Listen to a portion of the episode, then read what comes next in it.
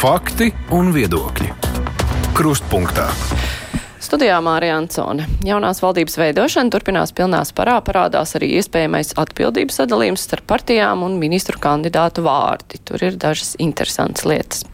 Tikmēr saima sāk skatīt daudz apspriesto valdības ierosinājumu uz diviem gadiem pagarināt laiku, kad Krievijas pilsoņi var kārtot latviešu valodas pārbaudas.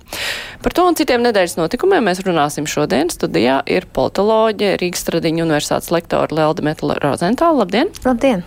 No kolēģi no citiem mēdiem Alīna Lastovska no portāla Delfī. Sveika! Labdien! No TV24 Romāns Meļņiks. Sveiks! Labdien. Aidis Tomsons ir attālināti mums pievienojies. Raidījuma kruspunktā otrs radītājs. Sveiks, Aidi! Gribēju jau teikt Sveik, čau, bet nevarēju tā teikt. Nu, kāpēc itāliski arī var runāt? Itāliski var, bet mums ir latviešu valodā jārunā. Te būtu jātulko uzreiz. Nu jā, bet par tiem uzvārdiem, kas ir jau parādījušies un uh, tie sadalījumi pa partijām.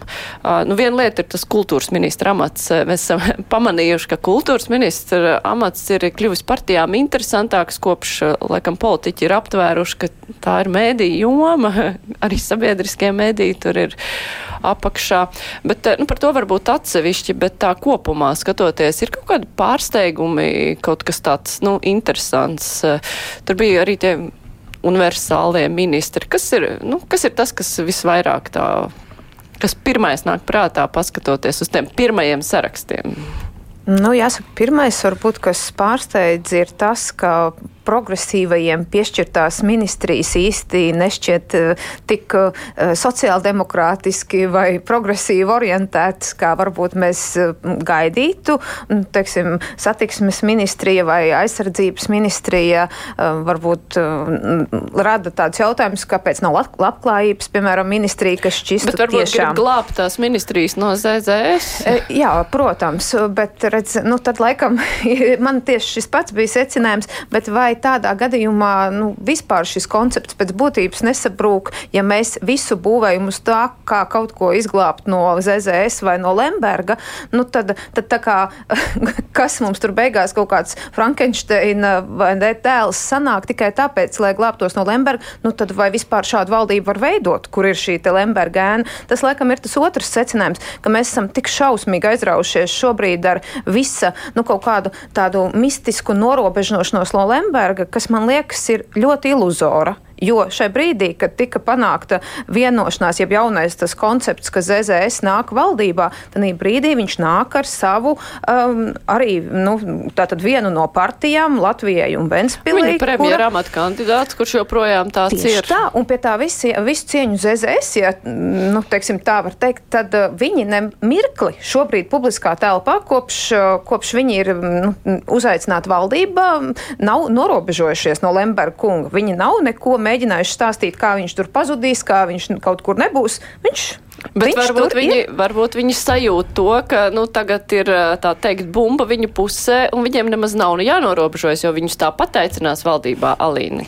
Ne, nu, tas jau ir tas jautājums. Mēs strādājam, bet mēs tā kā nu, dažas nozares tomēr partneriem neusticam, jo mums par viņiem ir bažas. Nu, tad kāpēc mēs strādājam ar viņiem kopā? Tad kāpēc mēs, es nevaru, es šito, man neapnikšu atgādināt, ko jaunā vienotība progresīvie teica par ZZS pirms vēlēšanām, un ko viņi tagad tagad. Protams, situācija ir cita, un tas jau nav tas, un tas jau nav šīs, bet nu, arī ar, mēs redzam, ka nu, tik un tā partneriem pašiem ir bažas par šo politisko spēku. Tad priekš kam?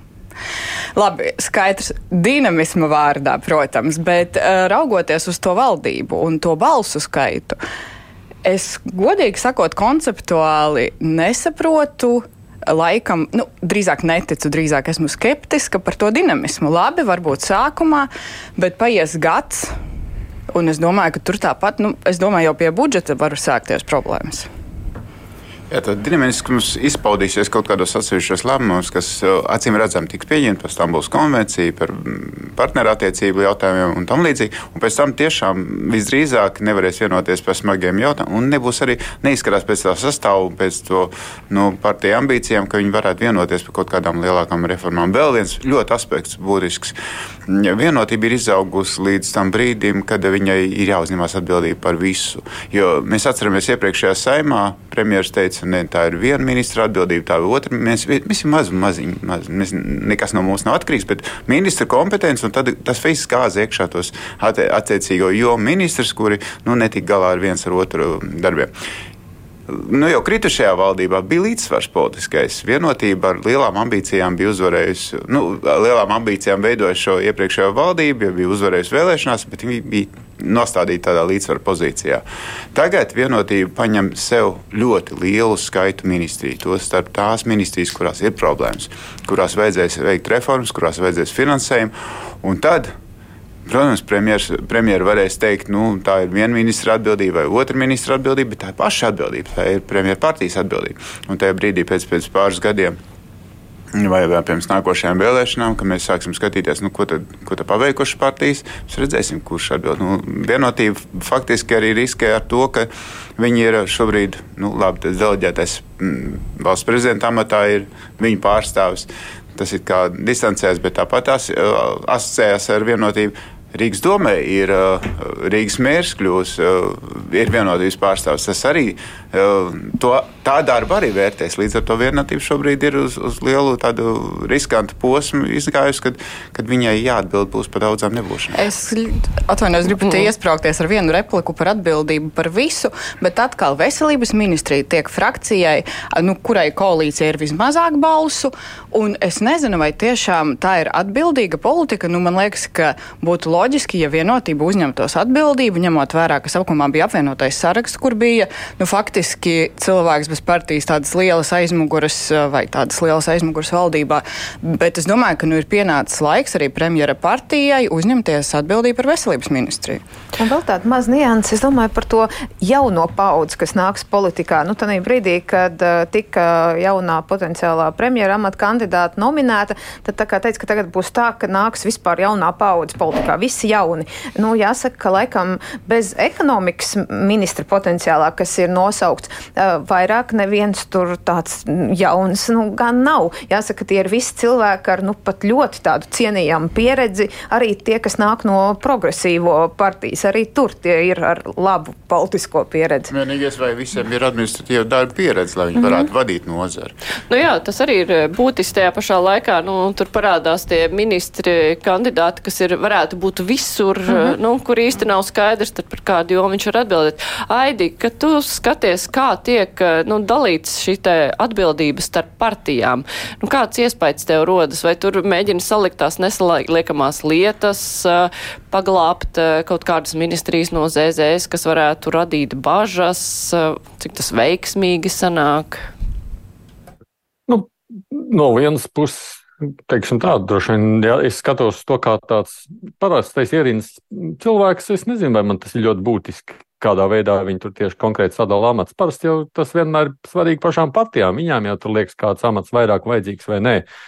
Nu, šobrīd, acīm redzot, jaunai vienotībai ļoti ērta situācija tādā ziņā, ka tie viņas nu, topošie partneri ļoti gribēja. Viņiem tas bija ārkārtīgi svarīgi nokļūt koalīcijā. Līdz ar to viņi nu, tāda sajūta, ka viņi nu, lielākā mērā ir gatavi pieņemt jebko, lai tikai nu, sakot, viņi ir ļoti ērti partneri. Nu, kāpēc tad neizmantot šo situāciju jaunai vienotībai? Viņi arī to labprāt lietot. Bet vai ZZS ir tie, kas ir gatavi pieņemt jebko? Nu, viņiem ir ne tādā ziņā, ka viņi gatavi pieņemt jebko, bet mēs jau redzam, cik ārkārtīgi pielaidīgi viņi visā savā retorikā. Mēs visā atbalstām, mēs esam jau vienojušies, mums viss sanāks, mēs esam pilnībā pār. Nu, proti, nu, tā, tā nepieciešamība šobrīd dabūt no sevis tā spitālīgā uzlikto zīmogu, viņiem ir tik ļoti liela, ka viņiem tik būtiski nav nemaz šajā sākotnējā brīdī uh, tur nu, likt kaut kādas sprunkuļus. Mēs droši vien redzēsim ar laiku, ka tie ir atziņā izaugsme, kur jau viņi nepaliks. Atceramies no iepriekšējiem laikiem, ZZS ir bijis ar nu, diezgan nērts partneris ar jaunai vienotībai. Iepriekšējās valdībās reizēm sabloķējoties ar saskaņu un vispār ar opozīciju dažos balsojumos. Bet pagaidām, nu, es domāju, viņi spēlē ļoti paredzamu spēli un pilnīgi saprotam, kāpēc viņi to dara. Viņi zina, ka to visi saprot, un mēs to redzam. Tajā pašā laikā nu, Aivar Lemberga viņi nenorobežojas. Nu, tur uh, viņi pie, var piekāpties tur un vēl vis kaut kur, bet tieši šajā vienā jautājumā, kas ir tas principiālais, bijis pirms gada visām pārējām partijām, kuras nevarēja ZZS sadarboties, to viņi ir atstājuši. Tas... Bet viņi nekad nav norobežojusies no ZZS. Nekad līdz šim, nu, tādā veidā, jo tas ir viņa oficiālais sadarbības partners. Un no šāda viedokļa skatoties, varētu jau sacīt, ka viņi rīko. Nu, kā mēs jau ļoti labi saprotam, ka arī iepriekš esošajās koalīcijās ir bijuši uh, tie paši ietekmes mēģinājumi tikai slēptā veidā. Nekas jau citādāks nav bijis. Šajā gadījumā gan arī jāsaka, spēlēt ar atklātām kārtīm reizēm ir vienkāršāk, gan jau tur arī būs pietiekoši daudz slēpto. Ja spēlē ar atklātām kartēm, tad jāspēlē līdz galam ar atklātām. Saka, jā, mums ir Lembergs, nu, kas, ne, lai viņš nāk un sēž, labāk, lai viņš atklāti pasaka, ko viņš domā, nekā, kad jums ir aizdoms par katru mūsu lēmumu. Bet tā nenotiek. Tagad kaut kāds protokols rakstīs, ierakstīs, ka nedrīkst tur ietekmēties. Ja tu viss izkontrolē. Nu, jā, tas, nu, tur jau tas jautājums, kā var tad, pateikt, un, un kurā brīdī. Un tad, tad parādīsies ir... lēmumi, kuri šķietam un varbūt objektīvi būs neietekmēti nekādā veidā. Bet, tiks, ah, nē, ir Lembergāni. Mm. Mm-hmm. Tieši tā, jo tā šķi, man liekas, ka tā ir tāda absolūta šķit, mēģinājums kādam vai vēlētājam, nu, vai kam iestāstīt tādu šķietamību, ka, ja tu ieraksti kaut kur kādu teikumu vai kaut kur neļauj Lembergam ienākt, ka pēkšņi viņam tur, lūk, ja, viņam, ja viņš gribētu, ka viņš to procesu nevarētu ietekmēt. Nu, nu, tā tas ne, tieši tāpat kā iespējams viņš varbūt kaut kāds daudzs process, kur mēs tagad šausminamies, kā viņš visās jomās tagad mēģinās kaut ko ietekmēt, vispār nu, tas nav viņas, viņa plānos un prioritātēs. Bet vienkārši man liekas, konceptuāli. Ja ZZS ir valdībā, tad tur ir arī Lembergs. Nu, tas arī godīgi ir jāpasaka. Un es domāju, ka ZZS to pietiekami. Uh, nu, viņi vismaz nemēģina kaut kā īpaši. Viņi vienkārši par to nerunā. Viņi saka, nu, Jā, viņš mums tur ir. savukārt nāk Jā. un runā atkārto šo vēstījumu, ka viņu prāt Lemberga ietekme ir krietni mazinājusies. Nu, tāda sajūta viņiem visiem rodas. Viņš joprojām šķiet, ka ir, vai ne? Mm -hmm. Vai nav? Mm -hmm. nu, nu, nekas jau nekas nav mainījies. Nav mainījies bet, eh, nu, labi, bet par to piekāpšanos, par to, ka ZZS ir gatavi visu kaut ko pieņemt. Eh, Romāns jau pieminēja Stambuls konvenciju partnerattiecības, bet uh, viņi tiešām būs gatavi par to balsot. Čiks un gatavs un aizmirsīsies. Nu, viņiem nobalsos līdz vēlēšanām pietiekoši ilgs laiks. Atceramies abrēnu. Mm -hmm. nu, taču atdēļ. Tieši tā ir jau. Labi, atcerās, kādi cilvēki vēl kurina vēl tagad. Mm -hmm. Jo ir jau tāda, e, nu, tā Stambuls konvencija, viņa jau, mm, ja tā atkal mēs tā godīgi runājam, nu, viņa ātrāk vai vēlāk tāpat būs jāratificē. Nu, visa Rietuma Eiropa, Eiropas Savienība, viņa ratificē, nu, var sakot, nu, mums tas būs jāizdara. Līdz ar to, jā, tas ir tas, nu, tā kā iespējams kādam nepopulārais bišķiņa lēmums, bet, nu, tieši tā čiks un viss to izdarīs, un tā nav principiāla lieta. Un jautājums jau arī, ko tas tieši regulēs, piemēram, par tiem runājot par tām pašām partnerattiecībām, mēs redzējām civilās savienības likumu. Nu, viņš bija diezgan es atvainojos, nu, tas bija ļoti liels solis, ja tas tiktu pieņemts. Bet tajā likumā ļoti daudzas būtiskas lietas pat nebija atrunātas. Un tas ir atkal jautājums, kas būs tajā, partner, mēs runājam partnerattiecības, jā, tas ir svarīgs solis, bet jautājums, kāds tieši būs tā, tā likuma projekta pakotne, kas tur tieši būs un ko, cik tālu, ko viņi atrunās, adopcijas jautājumu, vēl kaut mm -hmm. kādi jautājumi. Bet to var atrunāt, ka to, to ātri, ātri izdzīsim cauri un aizmirsīsim. Vienkārši, nu, tāpat ir tiesas, kas to pašu jautājumu risina caur tiesām. Nu, līdz ar to tas vairs nav tāds. Un visriskantāk ir šādus jautājumus vilkt ilgi, ilgi, ilgi garumā, tad ir iespēja par tiem pelnīt politiskus punktus. Mhm. Aidī, bet runājot par kultūras ministra parteisko piedarību, vispār vai partijām varētu būt interesi par šo amatu tieši mēdī politikas dēļ, vai tur vienkārši tas salikums tāds nejauši varbūt ir trāpījies, un tāpēc ZZS kritis kultūras ministra amats iespējams? Nu, tā nu, gan ir arī jāpiebilst, ka, protams, varētu jau sacīt, ka daudz kas ir atkarīgs no pašas personības, bet nu, tiešā veidā jau kultūras ministrs, ja vismaz runājam par sabiedriskajiem mēdījiem, to politiku neietekmē. Viņš ir tikai un vienīgi, nu, teiksim tā, tāpēc jau eksistē padome, kas ir tā tiešais uzraugs tajā visā. Um, to, ka to var izmantot droši vien, bet um, Nu, man ir ļoti tā, nu, skatoties arī no līdzinājās pieredzes, ko ir darījuši iepriekšējie ministri, grūti iedomāties, ka nu, ka to varētu mēģināt izdarīt tiešāk nekā ministrija līdz šim ir darījusi. Man jau liekas, ka mēs pat drīzāk esam sacījuši, ka kultūras ministrija ir bijusi diezgan kūtra šajā mediju politikas jomas realizācijā. Tā kā, nu, nezinu, es, es uz šo raugos pagaidām tā. Tā, tā. Es domāju, ka tas ir svarīgāks nevis tas uh, mediju ieteikums jautājums, bet to, ka ZZS tādā veidā apliecina savu latviskumu. Faktiski, ejot kopā ar progresīvajiem, viņiem ir kā vajag nu, tādu žestu uz Nacionālās apvienības pusi, uz, uz tādu uz tās vēlētāju pusi. Un, to, un, un vēl ir tas, ka šī ministrija viena no tām lentīšu griešanas pasākumu un, un, un publi, labas publicitātes, pozitīvas publicitātes, mazāk negācija. Nu, tas nav labklājības jautājums vai veselības jautājums vai, vai izglītības jautājums, kur nepārtraukti trūkst naudas. Arī šeit trūkst naudas. Bet nu, tur, tur, tur tas finansējums ir druskuļi nu, ne tik skarbiem protestiem saistīts. Nu, labi, bet runājot par kandidātu, kurš ir minēts šim amatam, bijušais satversmes tiesas priekšsēdētājs. Nekulturāls cilvēks? Nē, nav runa par kultūrālu, nekultūrālu, bet vai tas ir pārsteidzoši? Jo mēs varētu viņu iedomāties, nu, viņš kandidētu uz tieslietu ministra amatu pilnīgi, jā, nu. Vai pat uz pieminēto varbūt saimnes priekšsēdētāja amatu, Jā. kas arī, nu, varbūt mm. varētu būt diskusijas, bet, nu, mm, principā, vai ne, e, nu, ņemot vērā tur dažādas aspektus. Bet es teiktu, ka laikam jau, ka, nu, skatoties to potenciālo ministru sadalījumu, mm, jā, tas bija pirmais, kas tā Vai, vai patiešām šāds, nerunājot par Kūtra kunga nenoliedzamo profesionalitāti juridiskajā sfērā, un viņš ir cienījams profesionāls un cienījams cilvēks, bet vienkārši liekas, ka nu, mēs taču tā kā tur tā kaut ko laikmetīgās kultūras attīstība, tur pasaules elpa un, un gribas varbūt, lai tas, nu, teiksim, ministrs arī kā personība asociētos ar šādu te na, kaut kādu, mūs, nu, jā, ar, ar tādu skatu uz tādu kultūru kultūras uh, perspektīvu. Un iespējams, ka kultūras nozares cilvēkiem likās, ka Kudra kungs ar savu konservatīvi, korekti juridisko stāju īsti varbūt neiemieso kultūras ministra radošo mm, lidojumu. Tā varētu korekti teikt. Jā, lai gan ar mūziku viņš ir nodarbojies arī vismaz skorīšķi dziedāja vai kaut ko tādu atceros. Nu, paskatīsimies, vai nozares reakcija un skaļa protesti kaut kā rezultēsies. Un, nu, mēs zinām, ka tas ir tāds melnraksts un par amatiem jau nerunā un tikai jau par darbiem. Un, kad būs tas oficiāli prezentēts, paskatīsimies, vai šajā lauciņā būs izmaiņas.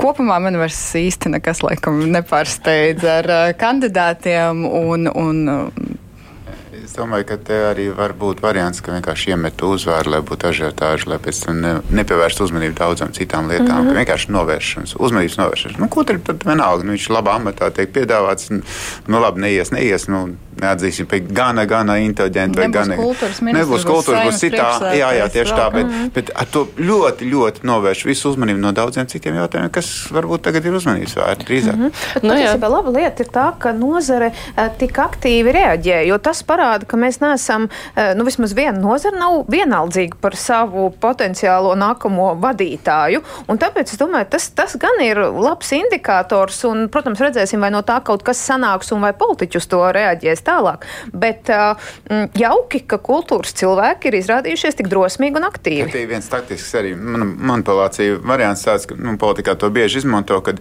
nu, kādu cilvēku grib ielikt amatā, zina, ka tur būs protesti, ieliek, piedāvā kādu citu, kas ir vēl, vēl ne, neatbilstošāks.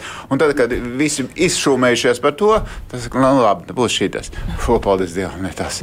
un tad, un tad faktiski pieņem to, ko iepriekš nebūtu bijuši akceptējuši. Nu jā, bet eh, labi, vēl runājot par iespējamo aizsardzības ministra kandidātu Andris Prūdu. Aidi, būs jautājums tev. Tu ar Andris Prūdu daudz esi komunicējis savās divās puslodēs. Bet uh, Tas, kas vakar parādījās sociālajos tīklos, bija fragments no 16. gada intervijas, eh, kur viņš komentēja, būdams ārpolitikas institūta vadītājs, eh, situāciju ar Krimas okupāciju. Par to viņš teica, ka Krievija Krimu neatdos. Un, eh, nu, katrā ziņā viņš, būdams politologs sniedza savu vērtējumu tā brīža starptautiskajai situācijai. Tas tagad tiek pasniegts kā uh, neiespējamība, kāpēc viņš varētu ieņemt aizsardzības amatu, jo paskat, kāda viņam ir uzskati. Aidi, tu, vispār, tu dzirdēji šo fragmentu un uh, kā tev šķiet, kāpēc tagad parādās šādas diskusijas par viņu? Es domāju, tas jau nav tikai par viņu. Es domāju, jebko, kas ir bijis, atceramies pirms iepriekšējām iepriekšējās valdības veidošanas, kad arī parādījās iespēja, ka varbūt progresīvie varētu būt, ko, cik daudz mēs dzirdējām, dažādas fragmentus, pieņemsim no Briškenas sacītā. Nu, tas ir normāli, ka īpaši opozīcija, un tad mēs redzēsim vienu spēcīgu opozīciju, pilnīgi noteikti. Viņi arī izmantos visus sociālos tīklus, un to man šķiet, ir īpaši Nacionāla apvienība jau līdz šim ļoti efektīvi dara, mēģinot ietekmēt tā sabiedrisko domu, kas ir normāli. Nu, šādā veidā arī to lietot. Um, nu, protams, es kā cilvēks, kurš pats vada raidījumus, un kuros es sagaidu, kad mans viesis runās nevis tikai vēlamo, bet tajā brīdī šķietam reālo situāciju atspoguļojot. Es ļoti labi sapratu, ko Sprūts sacīja tajā 2016. gadā, un nu, tas jau arī droši vien no tā brīža politiskās realitātes šķita ļoti saprotams. Ja nebūtu sācies karš Ukrainā, diez vai mēs pašlaik runātu par kādu Krimas atdošanu tuvākajā laikā. Un Krievijas gatavību vispār par to runāt. Krievija arī šobrīd tam nav gatava. Tas ir skaidrs. Bet, nu, redziet, jebkuru jau mūsu teikto, arī to, ko mēs tagad pateiksim, vai ne? Mēs jau gan katrs saklausām pa savam, gan katrs interpretējam pa savam. Un līdz ar to es domāju, no nu, to jau jebkurš politiķis un jebkurš, kurš runā mēdījos, rēķinās. Nu, es personīgi tur neredzu problēmu, protams. Alīna. Tas nogriezīs sprūda ceļu uz ministriju vai es paliks domāju, tikai tādu? Nē. Es domāju, labi, šim fragmentam bija rezonance, bet ir noteikti cilvēki, kuri to vērtē, kā Aidis arī saka, kontekstā ar uh, Sprūda kunga darbu, citām intervijām un uh, to laiku, kad tās fragments vai tā intervija notika. Uh, nu, ir cilvēki, kuri teiks nekādā gadījumā, nu, bet uh, es domāju, ka progresīvie, vismaz man izskatās, ja aizsardzības ministrija viņiem paliek, ka viņi paliek pie tiem cilvēkiem, kuri viņi virzīja kā ministru kandidāts arī pirms vēlēšanām. Un viņi izskatās tā, ka viņi viegli no savējiem neatkāpsies, man vismaz šķiet. Viss ir atkarīgs nevis no mūsu reakcijas, no mūsu iekšējās cepšanās vai vārīšanās, bet vai Krievijas propaganda izmantos šo uh, spilgto citātu, par, kur atsaucās uz Putina vārdiem par Ukraiņu kā projektu un tā tālāk. Uh, savos kaut kādos mm, propagandas uh, raidījumos, propagandas um, sludināšanā par to, ka nu, Latvijas valdībā pie varas ir cilvēks, kurš atsaucās uz Putinu, slavē Putina izteikumus. Tad slavē? Gan, vai tad nu, viņš slavē? Ja, ja piekrīt viņiem. Uh, redz, tā interpretācija var būt ļoti tuvu. Uh, un, un tajā brīdī, gan nu, baidoties no kaut kāda starptautiskā mm, fona var būt mainīta šī personība. Ja, ja tev iekš, ja iekšējais tirgus un aizmirsīs. Nu jā, pat cik Sprūtkungs ir mans kolēģis, tad es domāju, ka es te neieslīgšu tādās detaļās, bet, protams, ka ir jāsaprot, kā atšķiras uh, politiķis, un tanī laikā viņš nebija politiķis no uh, politikas pētnieka, zinātnieka, analītiķa, un tajā brīdī viņš runāja kā, teiksim, profesors, kurš uh, kritiski analizē reālo situāciju un sniedz savu analīzi un viedokli par to. Un, protams, ka ja viņš tajā brīdī runātu kā politiķis, kas, piemēram, pārstāv Nacionālo apvienību, tad viņa retorika būtu pilnīgi citādāka. Bet šeit viņam nebija tā politiskā kaut kāda konteksta vai piesaistes. Viņš runāja kā neitrāls analītiķis. Un mums var, nu, teiksim, patikt vai nepatikt tā tā brīža realitāte, bet tāda viņa vienkārši toreiz bija. Un tāpēc es domāju, ka nu, mums jau vispār ir tā tendence, sociālie tīkli to nenoliedzami veicina, ka mēs varam nu, bez konteksta kaut kādu frāzi izraut un tad viņu tiražēt uz priekšu. Un, Un, protams, mums katram, kā jau Tomsons kungs teica, ar to ir arī jārēķinās, ejot politikā, ka nu, mūsu visa pagātne var tikt izmantot pret mums, un mūsu oponenti to, protams, darīs. Nu, skatīsimies, kā tā situācija aizies uz priekšu un kas, kas notiks. Vai tam sekos vēl kāda eskalācija un, teiksim, jā, Krievijas pro, propagandistu reakcija uz to, vai arī tas varbūt nomierināsies un tad, tad viss būs kārtībā. Haidi, ir ko piebilst? Nē, nu es tādā ziņā noteikti nepiekrītu romānam. Turpat ir grūti kaut ko Krievijas propagandā izmantot šajā brīdī. Es pat, ne, nu, nu labi, jebkurš jebko kaut ko var darīt, bet uh, es neredzu te nekādu veidu ietekmi. Un otrkārt, man jau paši šķiet, ka, nu, ja mēs runājam par politiķiem, viņi jau ļoti labi zina to kontekstu. Un, nu, droši vien, ja runājam savukārt par pašu Sprūdu kungu, viņš jau ir nu, pietiekoši daudz bijis gan mediju telpā, gan politiskajā vidē, lai visi zinātu, ko no viņa var sagaidīt, kas viņš ir un cik daudz viņam var vai nevar uzticēties. Un no tāda viedokļa skatoties, droši vien jau, ka šajā pat topošajā koalīcijā viņš ir viens no nu, vispieredzējušākajiem eh, cilvēkiem, kurš nu, labi ļoti zina eh, šo drēbi. Tāpēc es domāju, ka nekādu šaubu par viņa piemērotību amatam nevajadzētu būt. Nu, labi, vēl mazliet paturpinot par uh, valdību, ja gal galā tā sāk strādāt. Romāns pieminēja, ka kaut kādas uh, nu, tās vieglākās politiskās lietas uh, tiks pieņemtas, bet jautājums, kā ies tālāk. Un tas vēstījums, ar ko tagad valsts prezidents mēģina mudināt politiķus, lai viņi kaut ko sāk darīt, ir tas, ka ir tās smagās lietas arī, kas ir jāpieņem, ir jātiek galā ar uh, tarifiem, kas ir daudziem nepaceļami, ir Eh, šie te kredīta procenti, kas ir nepaceļami, kur pašvaldībām arī ir liels problēmas. Noteikti ir vēl kas, Alīna pie, pieminēja arī budžetu, kas būs jāpieņem tās smagās lietas, un kur var iesprūst. Līdz ar un, budžetu, ja, ja viņu iestājas katrs pa savām pozīcijām, tad iesprūst ja klusi vienojās un, un labi saprot naudas ir tik bet, bet kas būs un, katram sadal... tās savas pozīcijas? Ko, kurš, kur varētu notikt tā viedokļu dalīšanās? Var iedot katram pa konfektēju un visi ir apmierināti. Var iedot vienam mm, lielu torts gabalu un pārējiem neiedot neko, tad būs strīdi. Jautājums, kā spēs sadalīt šos labumus, kas ir mm, budžetā nākošajā gadā pieejami, tā lai visi būtu daudz maz apmierināti un nekoordinēti. Bet, eh, nu, piemēram, arī pieminētie eh, sadalījuma tīkla tarifi, kredītu procenti. Valdība kaut ko tur var vispār izdarīt? Sadalījuma tīkla tarifos es domāju, ka viņi var ieviest, ka ir eh, teiksim, tarifi atkarīgi no uh, elektrības mainīgās daļas. Uh, elektrības cena mainās, sadalījuma tīkls runājot par to, ka viņam jāpaukstina tarifi, balst, balstījās uz to, ka ir dārga elektrība un līdz ar to viņam ir liels zudumi, elektrības zudumi tīklā un tam līdzīgi, tāpēc vajag augstāks tarifs. Bet nu, tā kā elektrības cena ļoti dinamiski ir, tad var ieviest kaut kādu dinamisko faktoru. Kurš nevienmēr nozīmē, ka būs zemāki tie tarifi, bet nu, tad vismaz mēs būsim darījuši to, lai novērstu to kaut kādu netaisnību izdarīs kaut ko tādu nu, formāls grozījums. Par bankām runājot, es domāju, ka.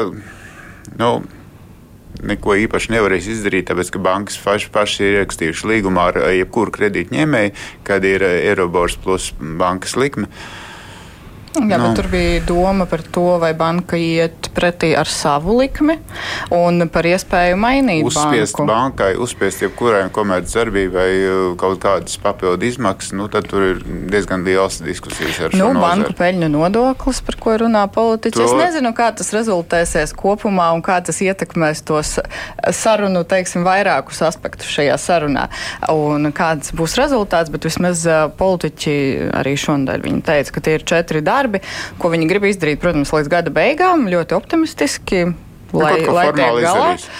Nu, jā, nu, tās sākumā tās, tās ļoti skaļi paziņojumi no Reira kunga, piemēram, par Eiriboru likmi un visu pārējo diez vai būs tik krasi, bet es domāju, pēc tik daudz apgalvojumiem, ka viņi kaut ko ar to darīs, nu, viņi nevar neko neizdarīt. Jā, bet, bet tas rezultāts, tā ietekme mm. droši vien, ka būs ne tik liela, kā, kā visi cer, bet nu, tas emocijas būs pārgājušas un kaut ko izdarīs un būs apmierināti cilvēki. Viss. Aidi, kā tev šķiet, tas lielais uzrāviens būs vai tā kā kolēģi te prognozē? Nē, nē, nu, tas, ko jūs te pieminējāt, es saprotu, tur jau kaut kādas vienošanās pat ir panāktas, un tur jau es saprotu, vienkārši jau ir gaidām tikai tālāk tie nu, praktiskie piedāvājumi konkrēti jau likuma formā. Bet tā, tas man šķiet, tad nav šajā gadījumā tas lielākais un būtiskākais, par ko būtu vērts runāt. Tāpēc, ka šīs, nu, nu jā, nu, šīs visas ir drīzāk, nu, teiksim, tā sekas tiem lielajiem procesiem, kas notiek ekonomiskajiem valstī. Tas jau, ko mēs ļoti, ļoti gribētu redzēt. ka ir tāds pārskats vispār. Skatoties uz mūsu pašreizējo ekonomisko politiku, un tas ir tas, ko mēs gaidījām no līdzinājās valdības un nesagaidījām. Ne? Ka mēs pārskatītu visu, kā, pēc kādiem principiem mēs dzīvojam, jo mēs jau redzam, ne, ka tā tad mēs pamazām atpaliekam no pārējām valstīm, saviem kaimiņiem. Un tas ir stāsts par kopējo nodokļu politiku, investīciju politiku un vispārējo, ko mēs esam līdz šim realizējuši. Ja, ja mēs varētu palūkoties šādi, Bet, nu, jā, es arī esmu skeptisks. Es varbūt varētu cerēt, ka. Nē, laikam neceru. Nu jā, jau es atvainojos, jo bija arī nodokļu reforma, pie kuras strādāja, strādāja vecās Visu šo partijas, strādāja, strādāja. jā. Nu, nu, kur, gan- kur lūdzu? var kaut kas no tā šādi nāk izstāst cauri. Tur daži nodokļu palielināšana viņiem būtu interesanti. Bet es domāju, ka nu, no otras puses jāstāsta uz to, ka faktiski šis ir uh, jaunajai vienotībai nu, nu, izšķirīgi svarīgs mirklis, jo uh, visi apstākļi it kā šķietami ir radīti tādi, lai beidzot varētu sākt strādāt. Jo tā tad bija teikts, ka apvienotais saraksts traucēja, Nacionālā apvienība traucēja, Rīgas domē traucēja. Tagad visur, nu, visur tā situācija ir sakārtota tā, ka faktiski visur ir pie varas vienotība. Līdz ar to vai nu vēlētājiem tu pierādi, ka iespējams arī šī te interesantā rokāda ar Zaļo zemnieku savienību un, uh, un progresīvajiem uh, arī ir mērķa vārdā attaisnojusies, un mēs redzam, ka sākas beidzot visa, visos procesos izaugsme, nu vai arī tomēr vēlētājiem būs jautājumi un iespējams, ka nu, tas ir tas risks par to ripošanu lejā no kalna, ja, ja, ja, ja, ja, nes, ja tagad nesāksies tā izaugsme. Tā kā es domāju, ka no vienotības pozīcijām viņiem ir ļoti liela motivācija nu, pierādīt uh, vismaz kaut kādos atsevišķos redzamos punktos, ka tā situācija pēkšņi vēršās labākā virzienā. Jā, nu es vienīgi tādā ziņā gribētu piebilst, ka tas jau, ko saka uh, Lelde, es jums piekrītu, ka motivācija jau tur varētu būt. Bet viss jau nosaka personības. Un tad mēs atgriežamies pie tā, kas bija sākumā. Nu, tur tās uzvārdi, kas parādās protams, publiskajā telpā, nu, mēs nezinām. Bet nu, droši vien jau, ka baigi daudz kas tur no ZZS, piemēram, jauns neparādīsies. Nu, tie jau visi ir, mēs jau viņus zinām. Nu, vai kādus mēs tur lielākoties nepazīstam? Nu, kas viņi par reformatoriem pēkšņi ir ļoti lielām, jaunām, progresīvām idejām? Es kaut kā nespēju to salikt kopā. Un, zinot, ka beig beigās mums jau katrā ministrijā, katrs ministrs ir savs kungs, nezinu. Nu, tāpēc jau tā skepsis. Jā, nu, skepsis te netrūks, bet es atgādināšu mūsu klausītājiem par uh, diskusijas dalībniekiem no Rīgas Tradiņu universitātes politoloģija Lelda Metla Rozentāle. Mans kolēģis Aits Tomsons mums ir attālināti pievienojies, Alīna Lastovska no portāla Delfi un Romāns Meļņiks no TV24, un mēs tūlīt turpināsim. Raidījums Krustpunktā. Par valodas pārbaudēm. Nu, saima sāka skatīt, tas tagad uh, ātri tiks pieņemts droši vien par divu gadu pagarinājumu valodas pārbaudēm Krievijas pilsoņiem. Uh, kur ir kādreiz nomainījuši Latvijas pasi, pilsoņi vai nepilsoņi, pret uh, Krievijas pasi.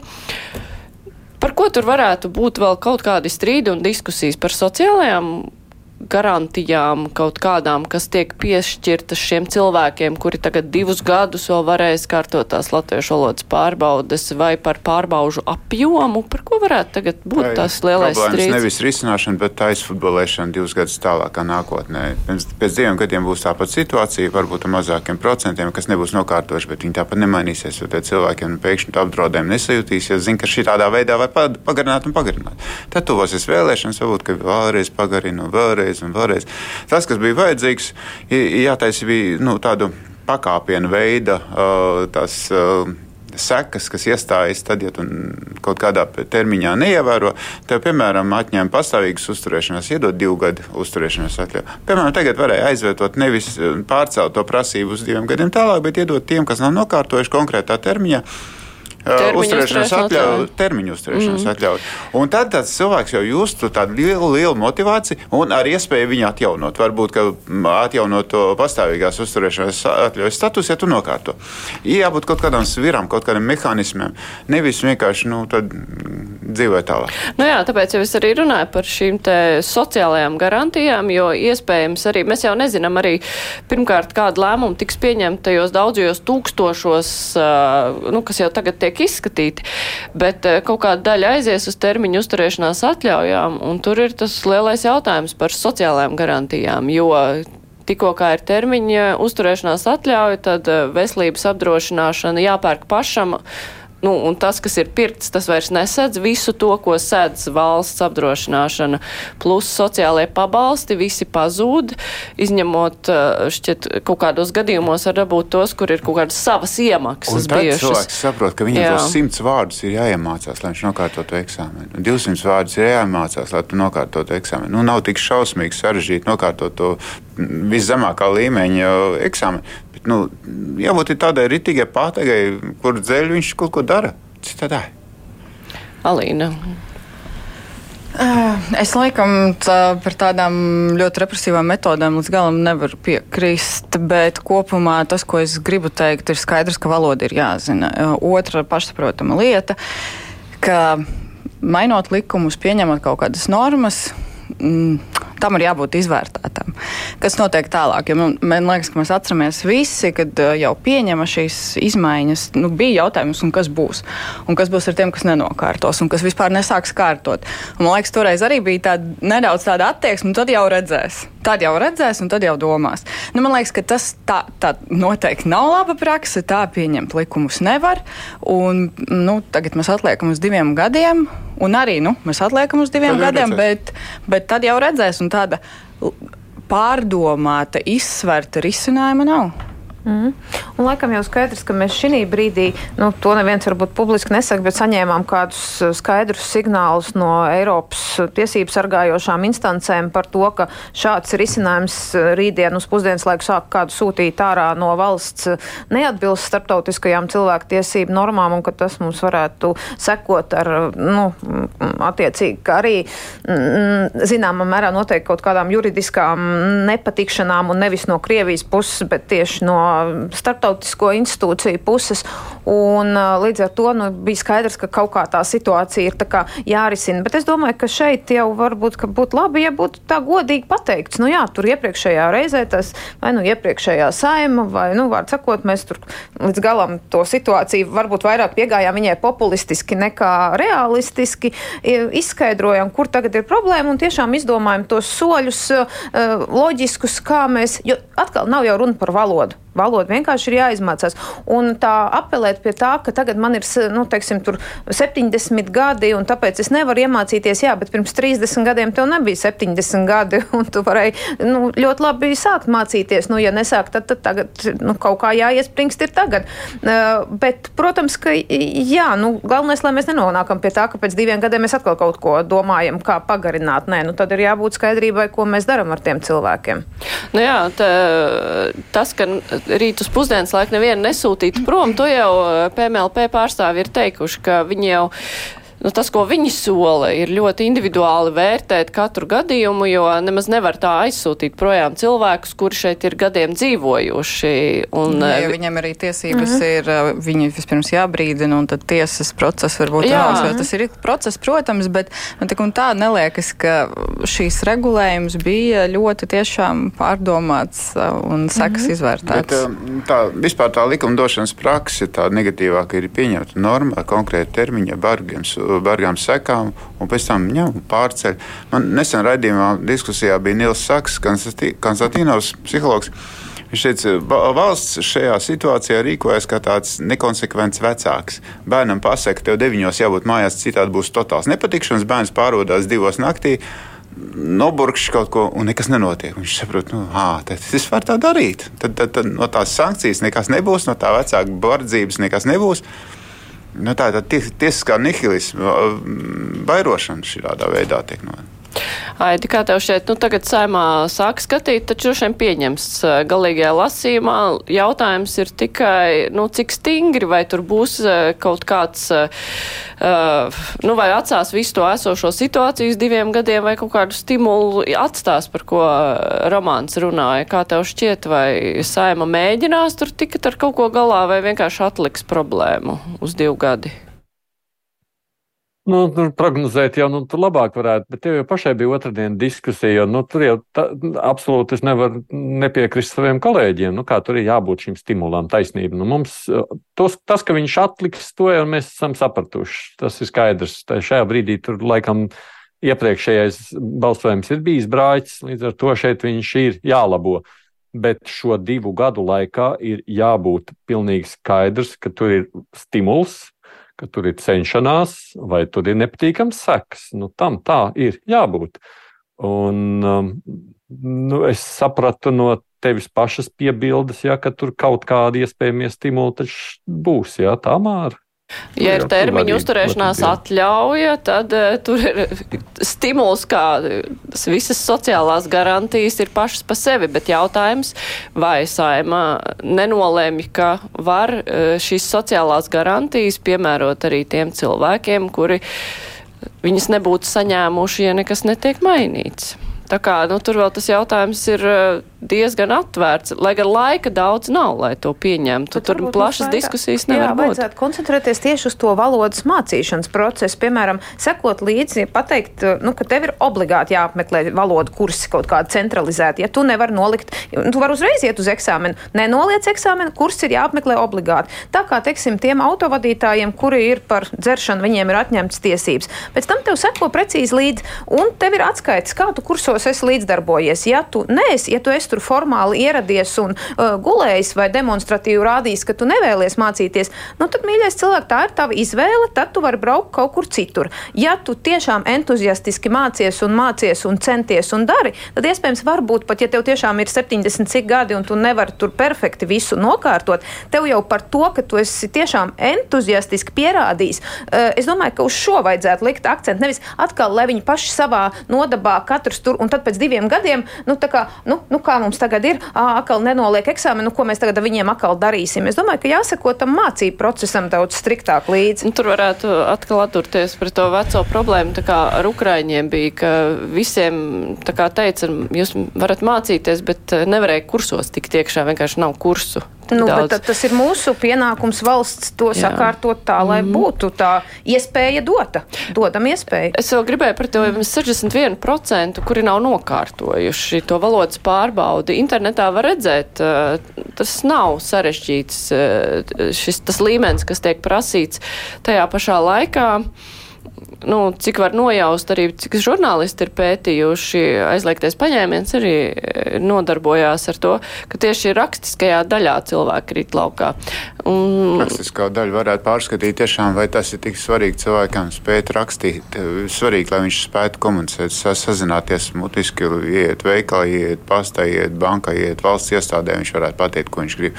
Ja viņš neprot to visu uzrakstīt, nu, nu, tas ir mazākā problēma. Problēma ir tā, ka mums tā valoda runāšanā ir pārāk. Uh, nu, mm -hmm. dominējoši. Lai viņš dzird to, kas notiek publiskajā telpā, lai viņš var dzird, saprast, ko runā masu mēdī, lai viņš eh, to uztver. Tas, ka viņš pēc tam to nevar uzrakstīt, tas mums īpaši, jo eh, svarīgi jau ir, lai tieši viņš dzīvo informācijas telpā, kuru viņš spēj uztvert. Nu, tādā līmenī vajadzētu par to vairāk domāt. Jā. Cik tā mēs rakstām vispār?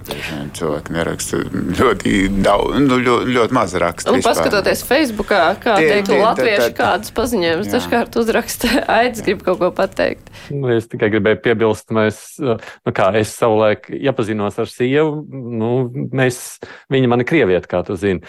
Man liekas, ka mēs, nu, mēs diezgan ilgi, es viņai devu katru nedēļu, gan arī katru otro dienu mēs rakstījām diktātus. Nu, es, es viņu vienkārši trenēju, un es redzēju, cik ārkārtīgi grūti ir Un joprojām viņi nezina, kāpēc tur vajag garumzīmi, kāpēc nē, jo tu nesadzirdi. Acīm redzot, būdams krievs, tu nevari saprast, kurā brīdī tur ir tā garumzīme, kurā nav.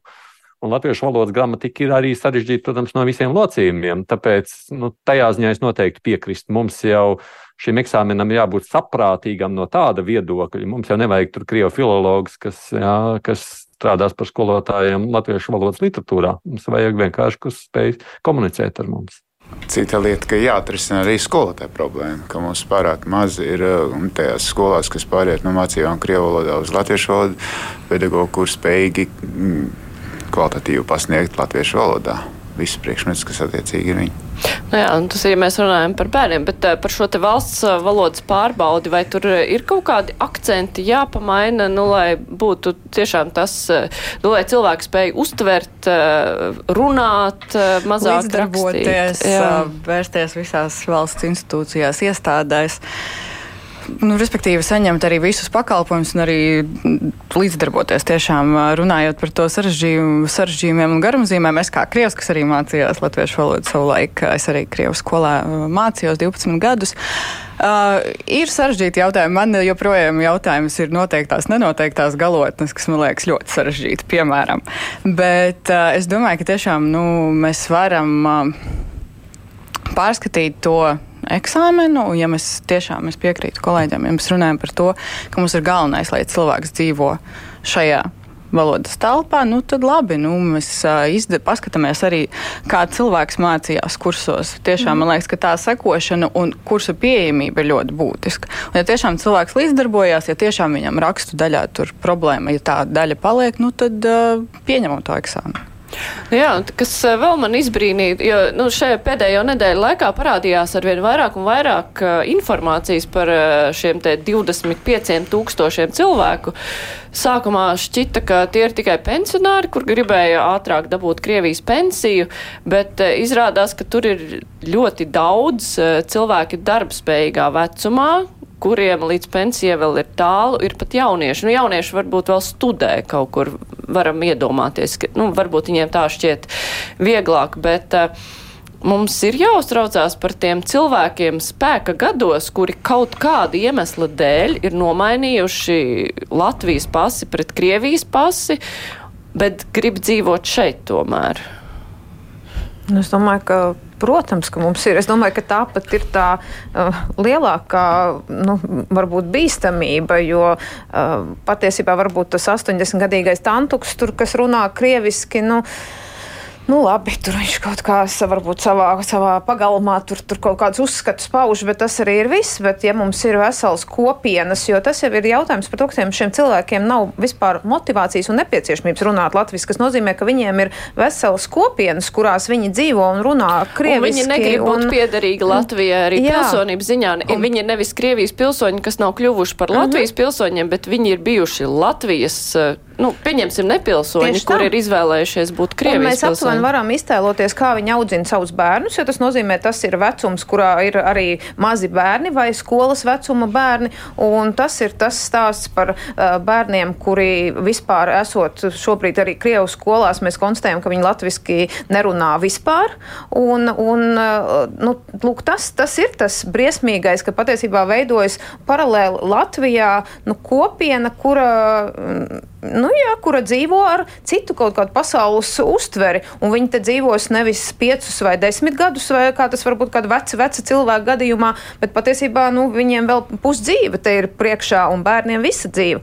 Un par to gan ir jāsatraucas. Un par to ir jāsatrauc arī, ko kolēģis minēja skolu jautājumā, ka patiesībā nu, mēs eh, skolās, kurās nav pedagogu, kas labi var sagatavot jauniešus eh, runāt latviešu valodā, mēs tā kā atbalstam faktiski šo te kustību, Eh, kas saka, ka jūs varat arī nerunāt latviešu, ka mēs jums nodrošināsim visu, sākot no skolas un beidzot ar darba vietu, kurā tu vari labi justies arī krieviski dzīvojot. Šo, šo jautājumu mēs skatām šobrīd kontekstā ar Krievi, Krievu un Krievijas pilsoņiem, bet tikpat labi mēs redzam, ka ļoti daudz iebraucēju, potenciāli iebraucēju varbūt nākotnē no citām valstīm. Nu, uz viņiem arī tas viss būs attiecināms. Tātad mums ir svarīgi, lai mums nebūtu tā kļūda, ko pieļauj, piemēram, Vācijā turku kopienām, kur atsevišķās pilsētās tikai turku vien dzīvo un vietējie mūk projām no viņiem mazpilsētās, protams. Uh, un, un, un komfortabli dzīvo nezinādām ne, ne, ne to valodu, ne to vietējo kultūru, ne arī likumus daudz ievērojot. Mm. Līdz ar to mums ir svarīgi, lai tie cilvēki, nu, jā, tas stāsta par integrāciju. Vai, viņi, mm. vai viņš integrējas latviskajā vidē, vai viņš paliek kaut kādā savā kopienā un dzīvo iekapsulējies un mm, kļūst par sprādzienu bīstamu faktoru valstī. Tieši tā, ko mēs tagad Zviedrijā daļai novērojam, Jā, kur ir aizvien vairāk dažādu nemieru no emigrantu puses, un, un, un tad tikai tagad mēs saprotam, ka tā tāda ļoti tolerantā politika uh, ir novedusi pie absolūti nekontrolējamām sekām, un ja mēs Latvijā negribam veidot tādu nekontrolējamu atsevišķu kolonu, kā to mēdz dēvēt, nu tad tad, tad ir steigi jārīkojās. Aidi.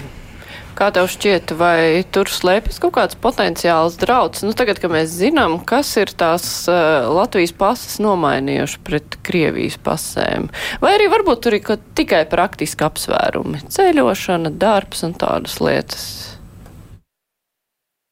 Nu, es gan pieļauju, ka lielā mērā tur tiešām ir bijuši praktiski apsvērumi vairumā. Man vismaz, es dažus zinu, kas ir nomainījušas Krievu pasēm, būdami nepilsoņi. Cik es atceros, tikai manā pazīstamo cilvēku lokā ir tikai šie divi argumenti. Ceļošana, ja braukšana uz Krieviju, kur nepieciešams, un otrs bija pensijas saņemšana. Nu, šie divi aspekti ļoti bijuši svarīgi.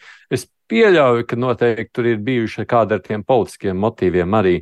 Bet, redziet, man jau liekas, ja mēs skatāmies, mēs šobrīd pievēršamies salīdzinoši nelielai sabiedrības daļai, jo mums ir pietiekoši daudz joprojām nepilsoņu un cilvēku pat ar Latvijas pilsonību, kas ir nelojāli Latvijai. Un tad vēl pieminētais romāns stāsts Pilnīgi noteikti. Jā. Es domāju, jau ļoti tuvākā nākotnē mums jādomā būs par iebraucējiem no Pakistānas un visām citām valstīm, kas šeit parādās. Līdz ar to šis ir konceptuāli būtisks jautājums vispār, nevis tikai runājot par, šiem, nu, par šo vienu nu, daļu no sabiedrības. Bet arī, ja mēs runājam par lojāli un nelojāli aizējām tādas kategorijās, tad es domāju, ka tas nav jautājums tikai par krieviem nepilsoņiem, iebraucējiem. Es domāju, tas ir. Jautājums arī par sabiedrību kopumā, par augstu inflāciju, algām, dusmīgo pilsoni un to attieksmi pret valsti kopumā. Kaut kādu vienaldzību, kaut kādās iestādēs, runājot piemēram par drošību un jēkapils gadījumu, vēl kaut ko. Nu, tas jau veido arī to attieksmi un tavu vēlmi būt nu, nezinu, piederīgam, uzlabot šeit kaut ko. Un es domāju, ka mums nevajag tik ļoti nodalīt, mums jādomā arī kopumā par, par, par mm -hmm. teiksim, tām uz pilsoņu attieksmi pret, pret valsti. Nu jā, bet arī jāpiebilst, ka Krievija ir uh, visus šos gadus ļoti aktīvi un daudz darījusi, un ne tikai Latvijā, bet arī citās valstīs, lai konvertētu citu valstu pilsoņus Krievijas pilsoņos. Viņi pasi ir devuši. Jā, bet visiem, mēs dzirdam cik, propagandas sa saukļus atkārtojamies ne tikai Krievu valodā šeit Latvijā, mēs dzirdam tos pašus propagandas saukļus arī latviski, kas atkārto tos pašus vēstījumus ar tādiem pašiem argumentiem. Jā, nu, katrā ziņā te būs lietas noteikti, par kurām mums te nāksies vēl daudz un dikti runāt. Jā, es domāju par tām pašām mm. pasēm. Nu, es domāju, ka lielākā daļa tomēr nu, tādiem nu, eiropeiskajiem, krievalodīgajiem, man liekas, tieši maina pases pretējā virzienā, lai varētu ceļot. Viņu mērķis ir iegūt uh, Latvijas pasi vai kādu citu. Jā, jā, tieši tā, jo patiesībā tas mērķis ir nu, uz otru pusi ceļot. Nu, ja tavs mērķis ir tā daudz un dikti ceļot pa Krieviju, tad varbūt ir jādomā, ka nu, tā arī ir tā tā, tā vieta, kur tev varbūt vajag uh, arī doties, uh, pastāvīgi uzturēties. Nu, jā. nu, labi. Es teikšu paldies uh, šīs dienas diskusijas dalībniekiem Ramāns Meļņiks, TV24, Alīna Lastovska no portāla Delfa, Aidis Tomsons no Kruspunktā, Eldamēta Rozentāla no Rīgas Stradiņa universitātes bija kopā ar mums.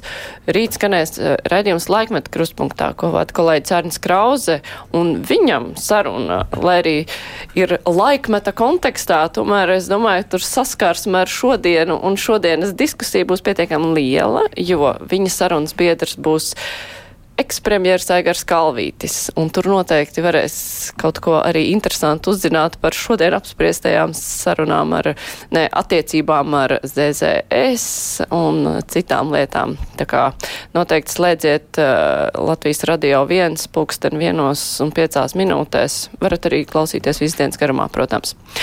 Pirmdien mums būs lielā intervija ar telnieku Gļebu Panteļēju, un mēs arī runāsim par lietām, kas šobrīd satrauc sabiedrību, par to, kā visa šī valdības veidošana izskatās no malas. Bet raidījums izskan, raidījumu šonedēļ producēja Loreta Bērziņa, bet studijā bija Mārija Ansone. Visu labu!